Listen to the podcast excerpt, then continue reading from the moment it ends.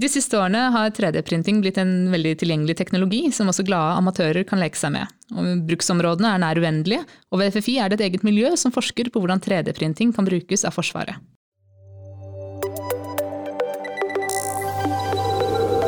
Ugradert, en podkast fra Forsvarets forskningsinstitutt. Velkommen til denne episoden av Ugradert. Mitt navn er Katinka Brattberg, og i dag har jeg to entusiastiske forskere som elsker 3D-printing i studio. Velkommen Martin Ørlund Øyen og Sandeep Sinclair. Takk for det. Takk skal du ha. Kan ikke dere starte med å fortelle hvorfor FFI forsker på 3D-printing? Ja, det er eh, altså et stort, stort spørsmål egentlig, for vi, vi er mange forskningsmiljøer som har tatt i bruk den teknologien. Eh, det er vel vi som har tatt oppgaven om å gå litt dypere inn i det. Og vi har også noen av de større maskinene på en måte da, som er rettet på metall og industriell produksjon. FFI begynte vel med 3D-print i 2011-2012. Og så har det på en måte fått inn flere og flere teknologier etter hvert som det er flere anvendelsesområder, sett med Forsvarets øyne, eh, inn i, inn i den industrien. Da. Så det er jo ulike grunner til det. Og selv om 3D-printing har blitt gjort tilgjengelig for vanlige folk de siste årene, så finnes det sånn jeg forstår det på dere, flere forskjellige typer printere også? Det stemmer.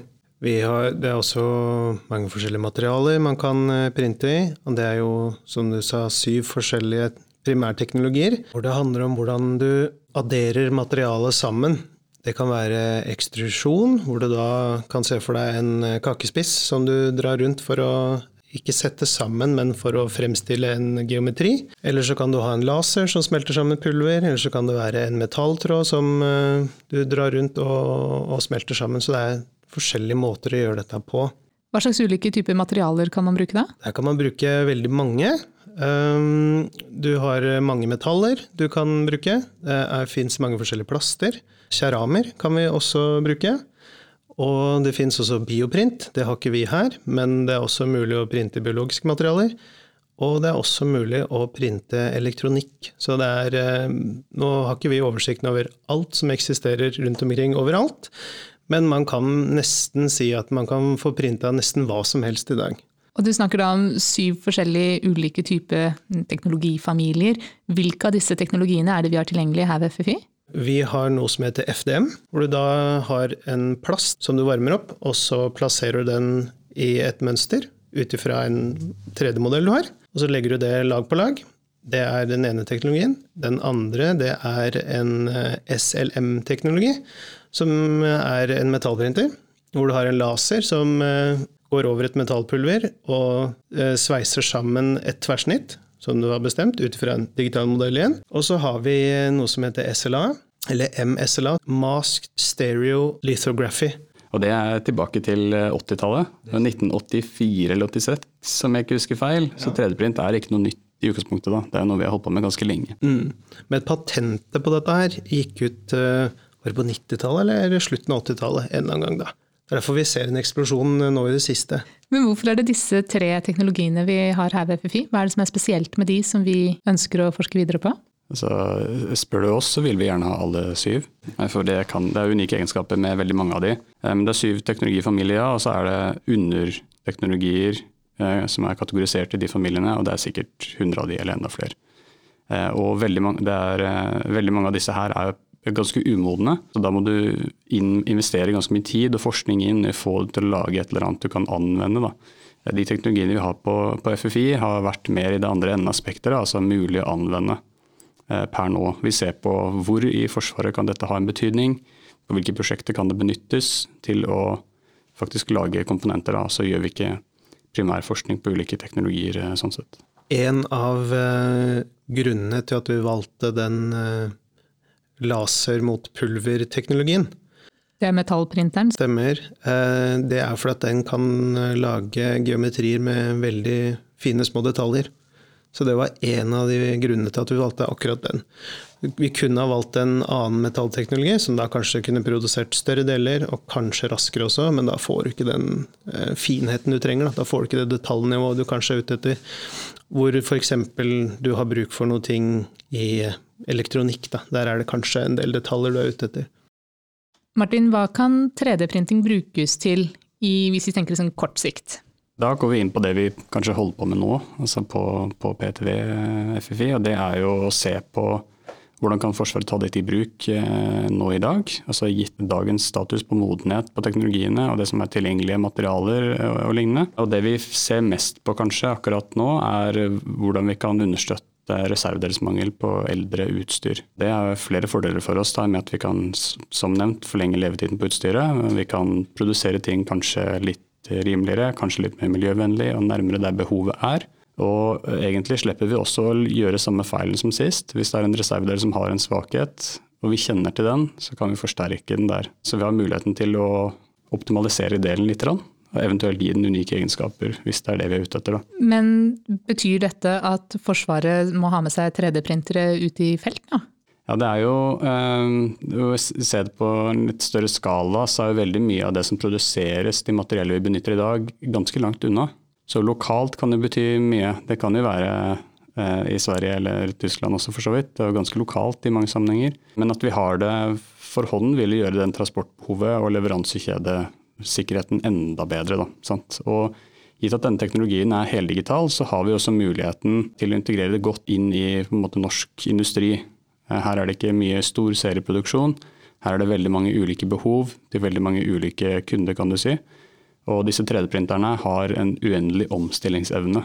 Vi kan lage 10-50-100 ulike deler samtidig i det byggkammeret. Og det gjør jo at da kan du forsyne veldig mye forskjellig materiell med samme maskin, uten å måtte kjøpe opp masse. Da. Men det krever at du har med deg noen som vet hvordan de håndterer maskinen, da? Det er jo sant. Og da er det jo et spørsmål på hvor mye hver enkelt si industripartner og sånt i landet vårt, eller industri generelt, skal investere i den teknologien for å få dette til å på en måte flyte som en sånn nasjonal kapasitet. Men det er jo ulike disipliner, og det trenger ikke å være samlet på samme punkt. Så noen kan sitte og tegne disse delene og kvalifisere de for produksjon f.eks. Det kan eventuelt være et ledd nummer to. Og så kan andre bruke den oppskriften og bare putte den i maskinen, og vil den vil skrive ut det som er prekvalifisert. Da. Slik at den operatørnivået, som da kan være hvor som helst, det trenger ikke nødvendigvis å kunne gjøre design og kvalifikasjonsjobben. Og de som gjør design og kvalifikasjonsjobben trenger ikke, nødvendigvis å produsere eller montere delen. Sant? Så vi kan dele opp det noe. Så lenge vi klarer å flytte en digital fil til dit maskinen er, så vil dette på en måte kunne gå.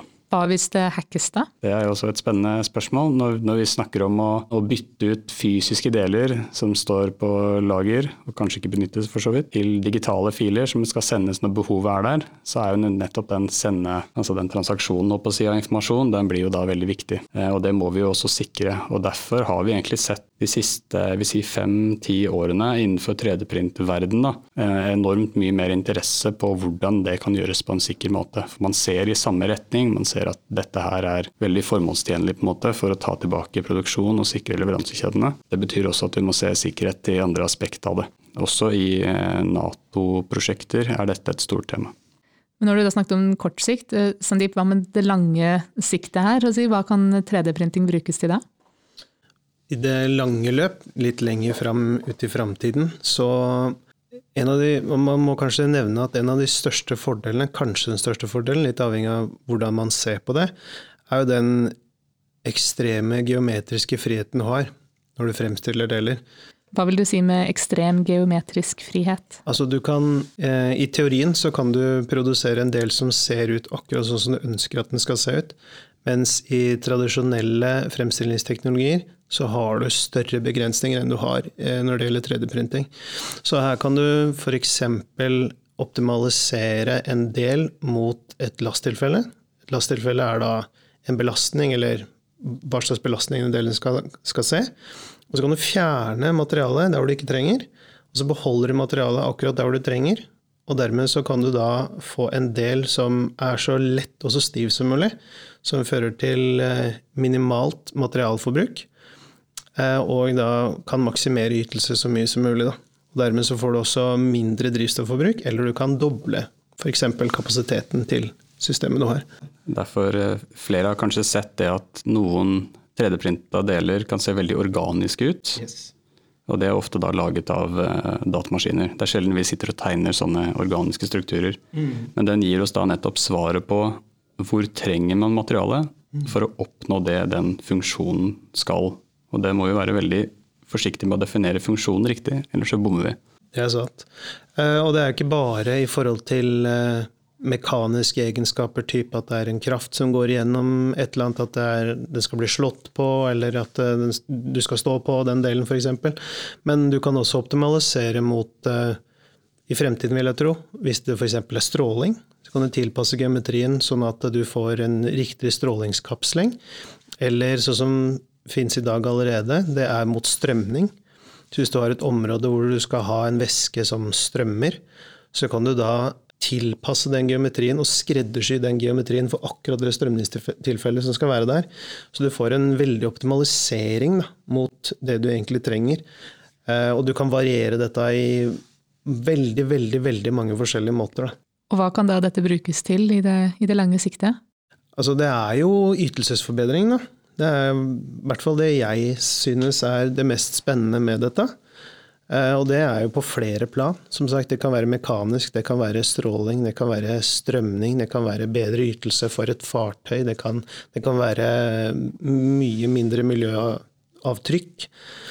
Eh, så det er de tingene der. Eh, vi må også legge til at 3D-printing kan også bidra med at vi kan bruke unike materialer som kun kan fremstilles med 3D-printing. Som hva da?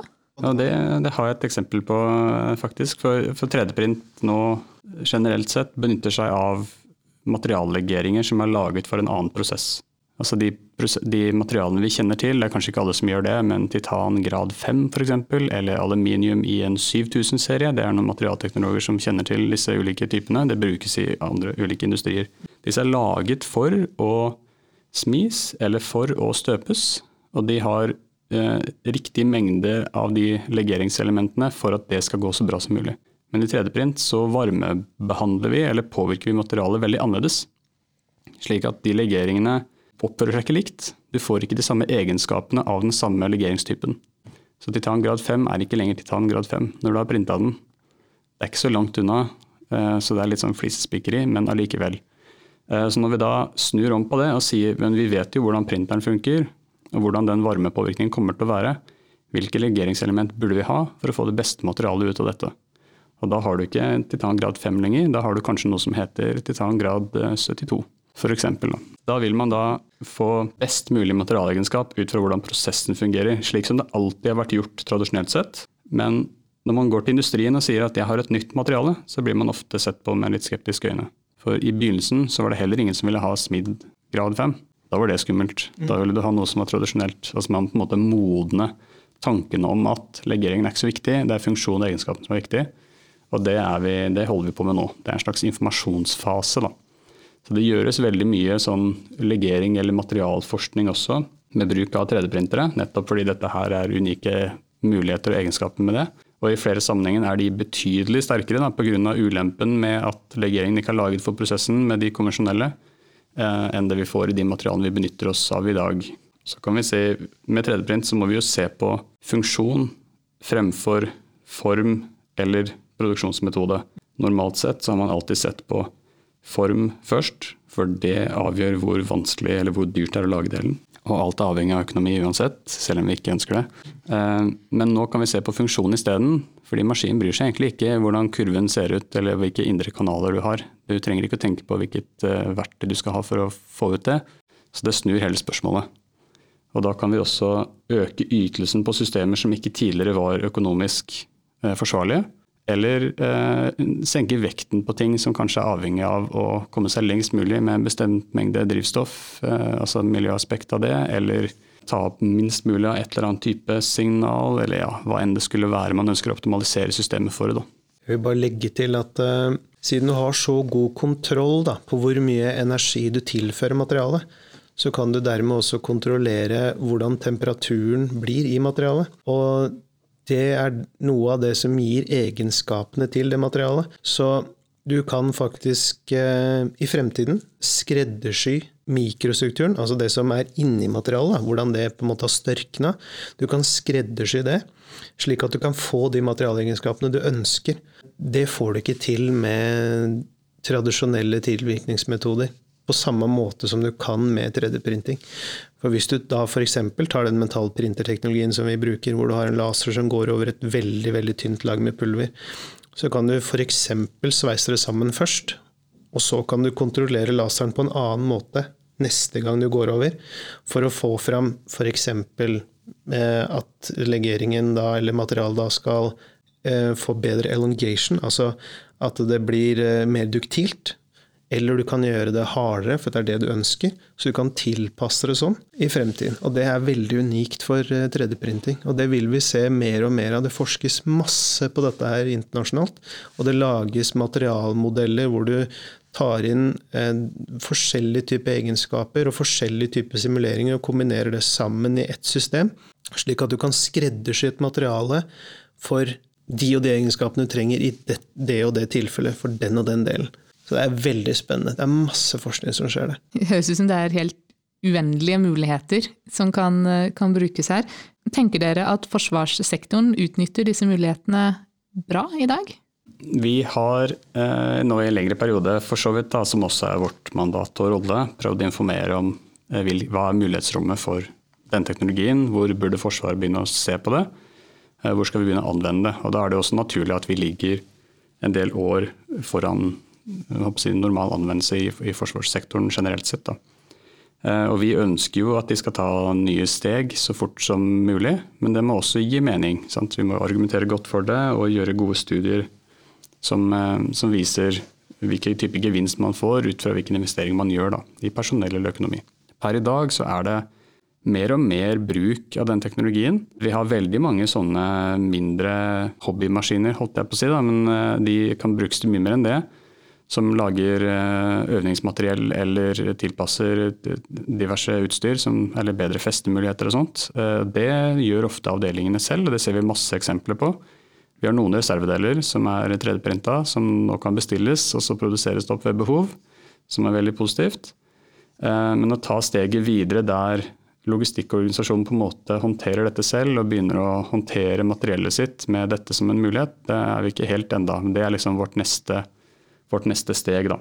Og så jobber vi litt mot både forsvarsorganisasjonen eh, generelt sett, alle disse materiellavdeling og logistikkavdeling, men også mot forsvarsindustri i den sammenheng. Vi er en slags inkubator for det. Så vi gjør jo den primærforskningen som, som Sønni nå snakket om, med tanke på unike egenskaper og type legeringer og sånt, eh, dersom vi har interesse for det, riktignok. Vi er også økonomisk bundet og kapasitetsbundet. Vi er ikke så mange som holder på med dette heller. Og Det er jo primært da mot hva forsvarsindustrien kanskje kan utnytte seg av. Og Det er ikke bare som en gjest for dem, men det er også sånn at vi vet hva andre kan holde på med innenfor den teknologien samtidig. Da. Hva er denne teknologien i stand til å få til? Hva må vi da prøve å utnytte det til selv, og hva må vi passe oss for? Det er nok også noe med at det er relativt nytt. Og alt som er nytt, det kan kanskje skremme oss litt. Rann.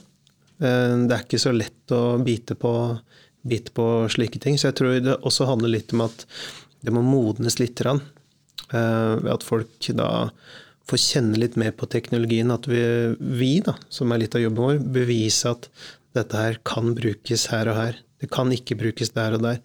Eh, vi bør bruke det sånn og sånn. Så jeg tror det er en modningsprosess også, og jeg er helt sikker på at vi vil se mer et mye større bruk av den type teknologien videre. Men det er en modningssak. Det er det definitivt. Men øh, om teknologien er god nok allerede? Det er den definitivt. Det er, det er definitivt, men det er, ikke, det er mange forskjellige standarder som kanskje går inn i dette. Og det er flere forskjellige måter å kvalifisere det på. altså Folk gjør dette kanskje på sin måte, og dermed så er det ikke én sånn rett linje som alle kan følge, og en oppskrift som alle kan følge. Eh, og da kan det kanskje bli litt skummelt. Ja, hvordan gjør vi dette her? Hvordan gjør vi dette her? Men sånn 3D-printing-teknologi, da, det brukes jo i space i dag. Det brukes jo i Formel 1-biler også. Så kan man si at ja, men Forsvaret kjører jo ikke Formel 1-biler. Nei, det er helt sant. Det er et helt annet tilfelle.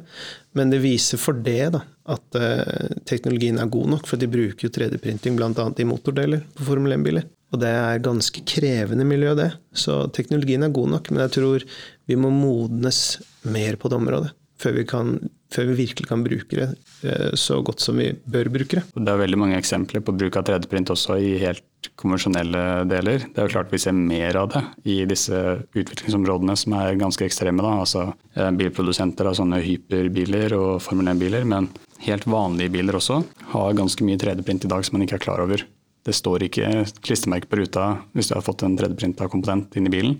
Og det er ofte fordi det er eh, unike egenskaper ved denne prosessen da, som gjør det mulig å, å få fram en, en unik funksjon. Mm. Uh, så det er nok mye mer enn man tror uh, som er 3D-printa. Jeg vil bare legge til at um, det brukes ganske mye 3D-printing i flyindustrien også. General Electric bl.a. har en god del 3D-printa deler inni motoren sin. Og de motorene de, de flyr hver dag. Det er bl.a. drivstoffsystemet inne i motoren. Der hvor det er, ikke nødvendigvis der hvor det er varmest, men det er veldig varmt der. Så jeg tenker at hvis de kan anvende dette i eh, sine flymotorer, som da har veldig strenge sikkerhetskrav, og det flyet da skal fly hver dag så ofte det kan, det skal lande kun for å fylle på passasjerer og så fly videre, jeg mener at det viser at teknologien er god nok. Hvis dere da skulle pekt på ett område, eller ett sånn konkret bruksområde som dere tenker at her burde forsvarssektoren virkelig ta i bruk 3D-printing, hva ville det vært? Kanskje vi har litt ulike Jeg kan begynne da, med mitt forslag.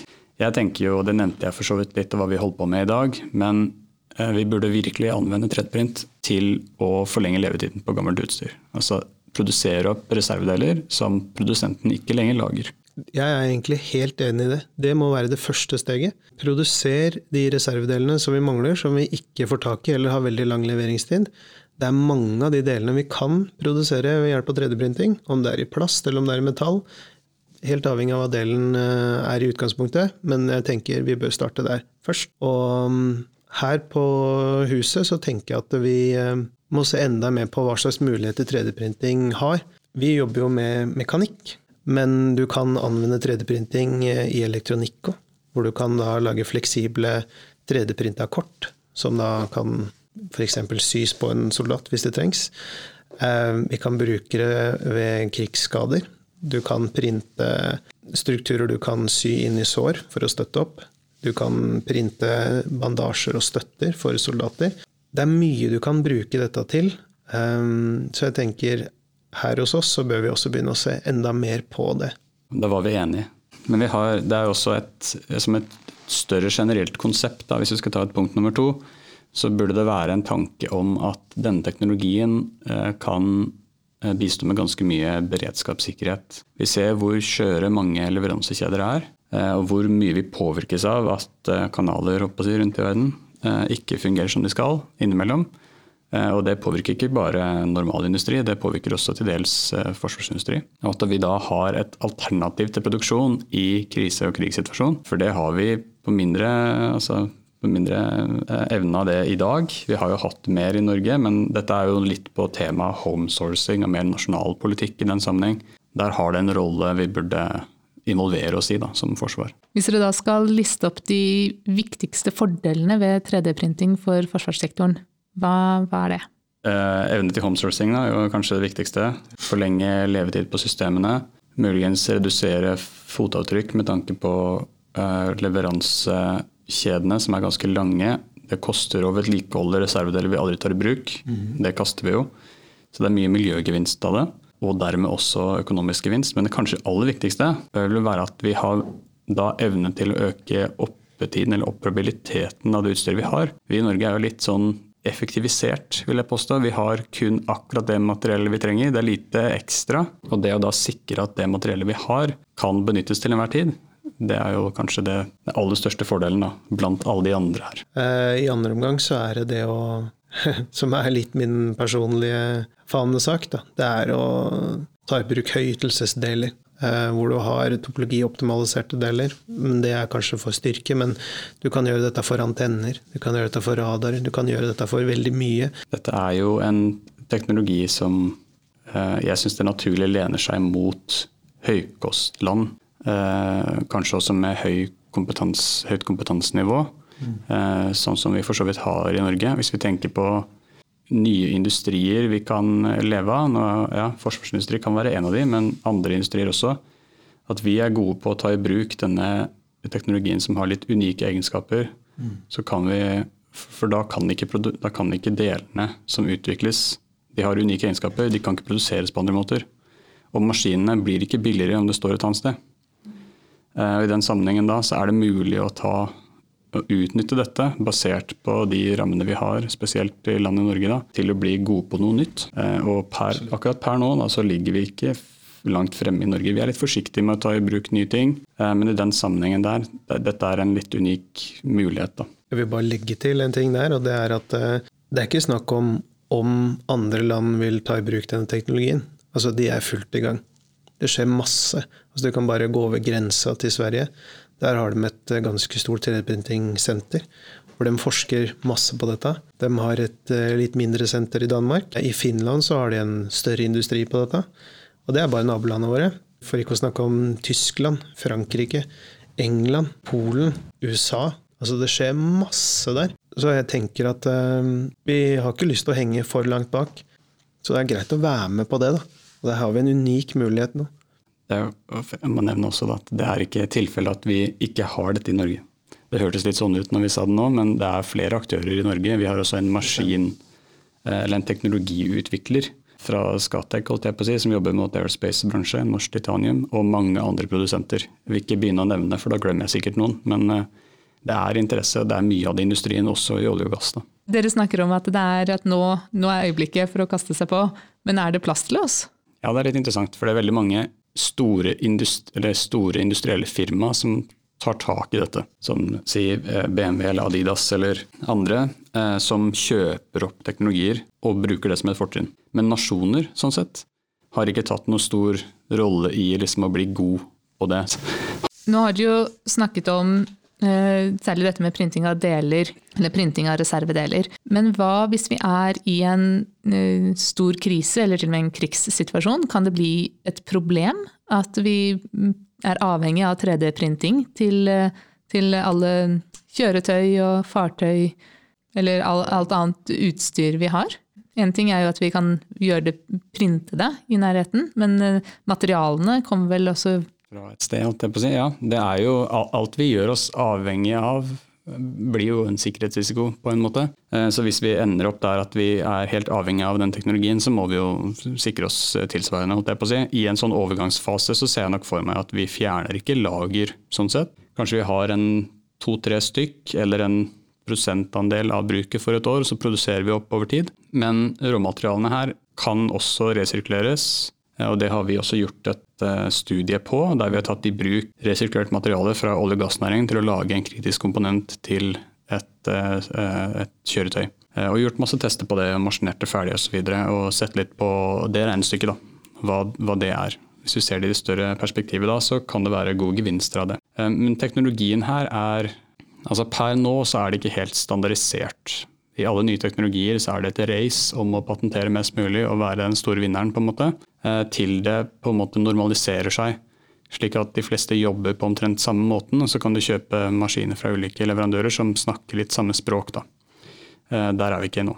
Eh, dit må vi jo, for ellers så sitter det bare én produsent igjen, og det vil man på en måte ikke i industrien. Altså det, det kommer. Eh, og når det er tilfellet, så er råmaterialene her er, Mange av de produseres jo relativt lokalt rundt om i Europa. Det er ikke en, en veldig komplisert prosess, så det er mindre uh, usikkerhet forbundet med akkurat det. Maskinene vi har i Europa er primært uh, amerikanske eller tyske.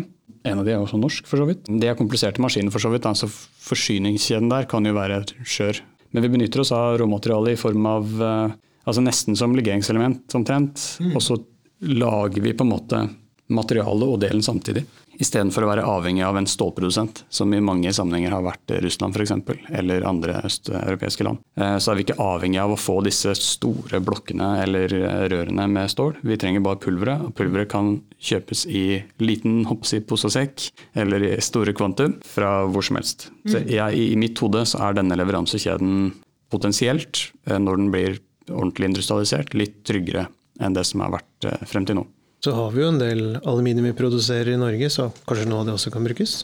Vi burde jo begynne å se på det. Mm. Eh, vi er jo eh, unikt satt til egentlig råmaterialproduksjon her også. Men igjen, det må jo gi mening, da. Når vi konkurrerer med, med lavkostland langt, langt unna, og vi ikke har så mye mot at det tar lang tid, eller at råmaterialene koster på en måte mye med tanke på miljø og, og mennesker, så, så fortsetter vi sånn.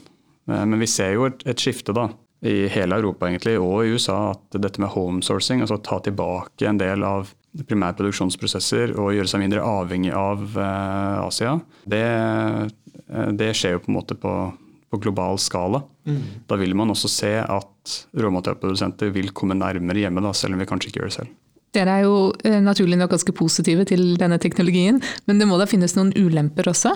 Det er flere ulemper, og det er, det, er, det er, mye som på en måte har med modenheten til teknologien å gjøre. Så det er, litt, det er litt kjedelig å forsvare noe som kanskje blir bedre neste år. Men det er fortsatt en relativt ung teknologi.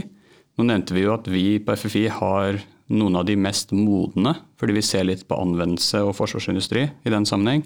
Eh, de som er lenger ned på den skalaen der, vil jo få enda større spørsmålstegn knytta til seg. Men det er mye av eh, Det er heldigitalt, og det er veldig mye prosessparametere og sånt som noen ganger kan gå galt. Og eh, siden, siden, produktene er laget på den måten de er, så er de også litt vanskeligere eh, å undersøke med sånne NDT, altså non-destructive testing, eller kvalifikasjonstesting i etterkant. Slik at ettersom dette er blitt benyttet når teknologien er mindre moden, så har man stilt store spørsmål ved det, og det henger ved. Så her har man en stor sånn overbevisningsjobb foran seg da, med å lette kravene noe, eller å spesifisere kravene bedre med tanke på kvalifikasjon. Så mye av kostnaden ved 3D-print i dag. Vi sier at det kan bli rimeligere. Det kan også bli veldig mye dyrere. Og mye av kostnaden ved det handler om å få ting kvalifisert etter nåværende standarder, kan du si. For de eh, er ingen kjære mor. Der skal vi gjøre alle mulige krav som kan tenkes til en serieproduksjon på 10 000 deler knyttet til én stykk. Og hvis du gjør den kvalifikasjonsprosessen hver eneste gang, så er det et enorm kostnad per komponent. Og hvis man klarer da, ja, da må vi prøve å komme oss til et punkt der det er mulig å gjøre sånn batch-testing, sånn som man gjør mm. tradisjonelt sett. Frem til det tilfellet så vil dette være en dyrere prosess. For eksempel, det med kvalitetssikringsaspektet og prosessparameteraspektet, for så vidt, så er det jo flere problemer òg. Tenker også det med at det krever en del erfaring for å få det til å bli sånn som du ønsker at det skal bli. Man skulle ønske at det var som eh, å finne et bilde på nettet, og så trykker du print, og så fikk du bildet, og så var du ferdig med det. Men eh, det er eh,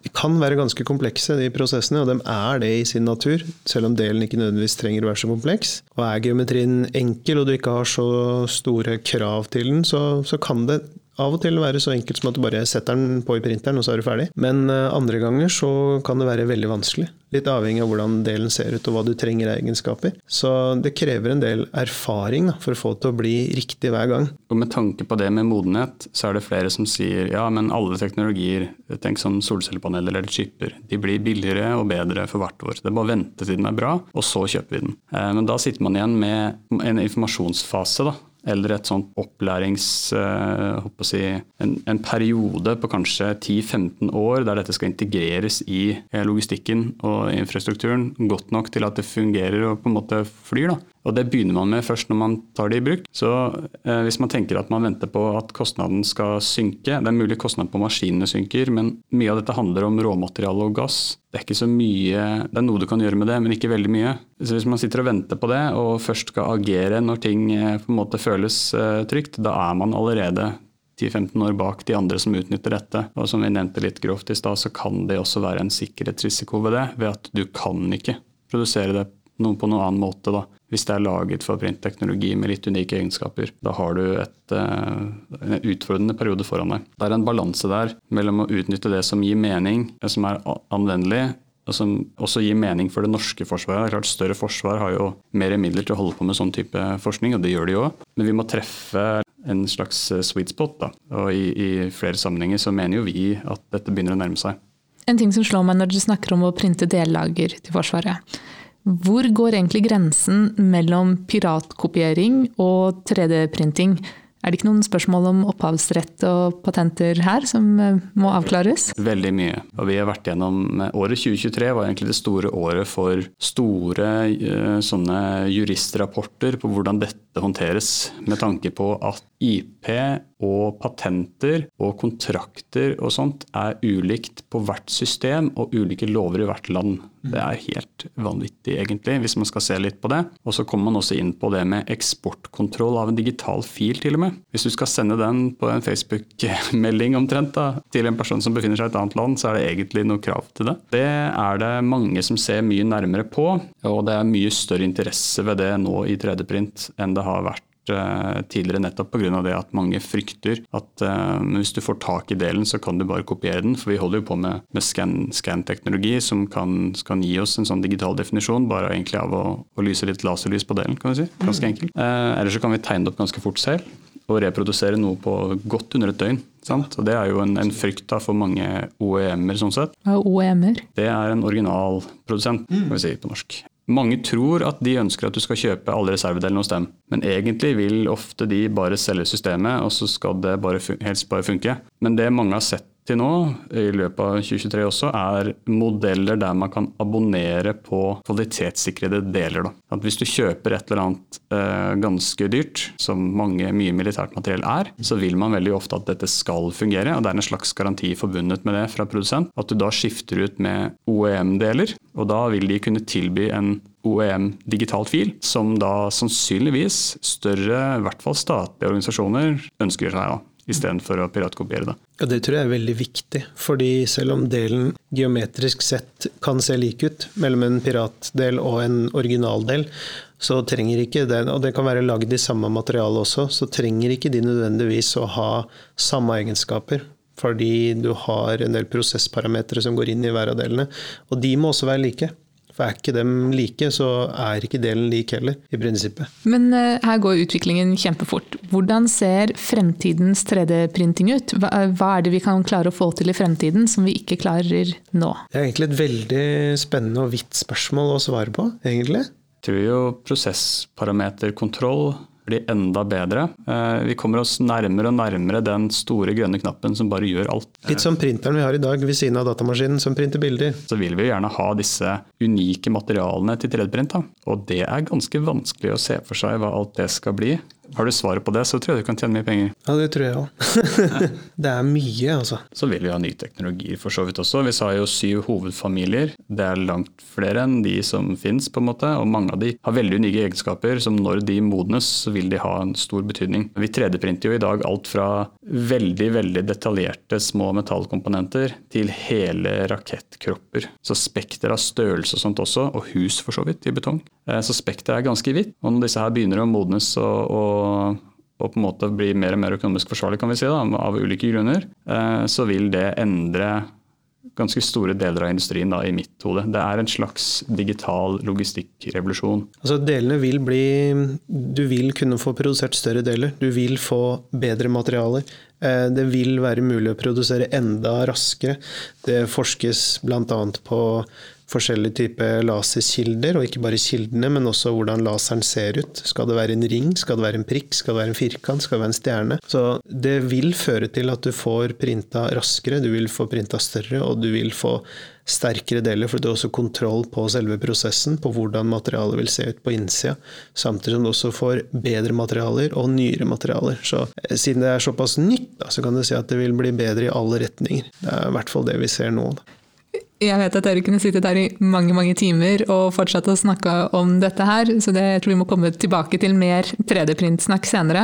Men helt til slutt, hva drømmer dere om å skulle få lov til å lage, da? Er det da i jobbsammenheng, eller er det på personlig nivå? For det er to litt forskjellige ting, kanskje. Si personlig nivå, da.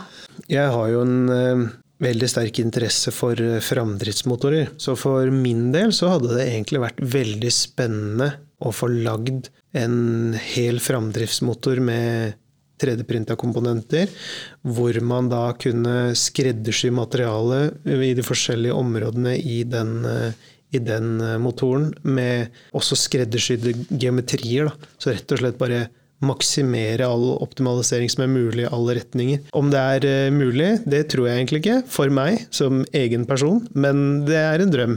Jeg føler hvis vi klarer å å lage et eller annet som ikke er laget før, så må det på en måte være en målsetning i seg selv. Det er veldig naturlig nok vanskelig å svare på hva det skulle være. Eh, men teknologien på en måte gjør det mulig.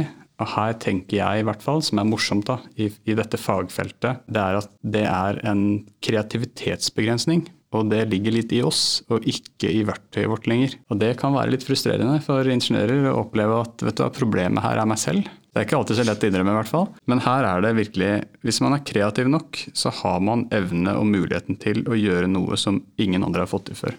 Det er en bra avslutning. Tusen takk for at dere hadde tid til å komme og dele av kunnskapen om 3D-printing. Takk for at vi fikk komme. Selv takk, ja. Og hvis du som lytter vil lære mer om 3D-printing ved FFI, så finner du mer informasjon på ffi.no.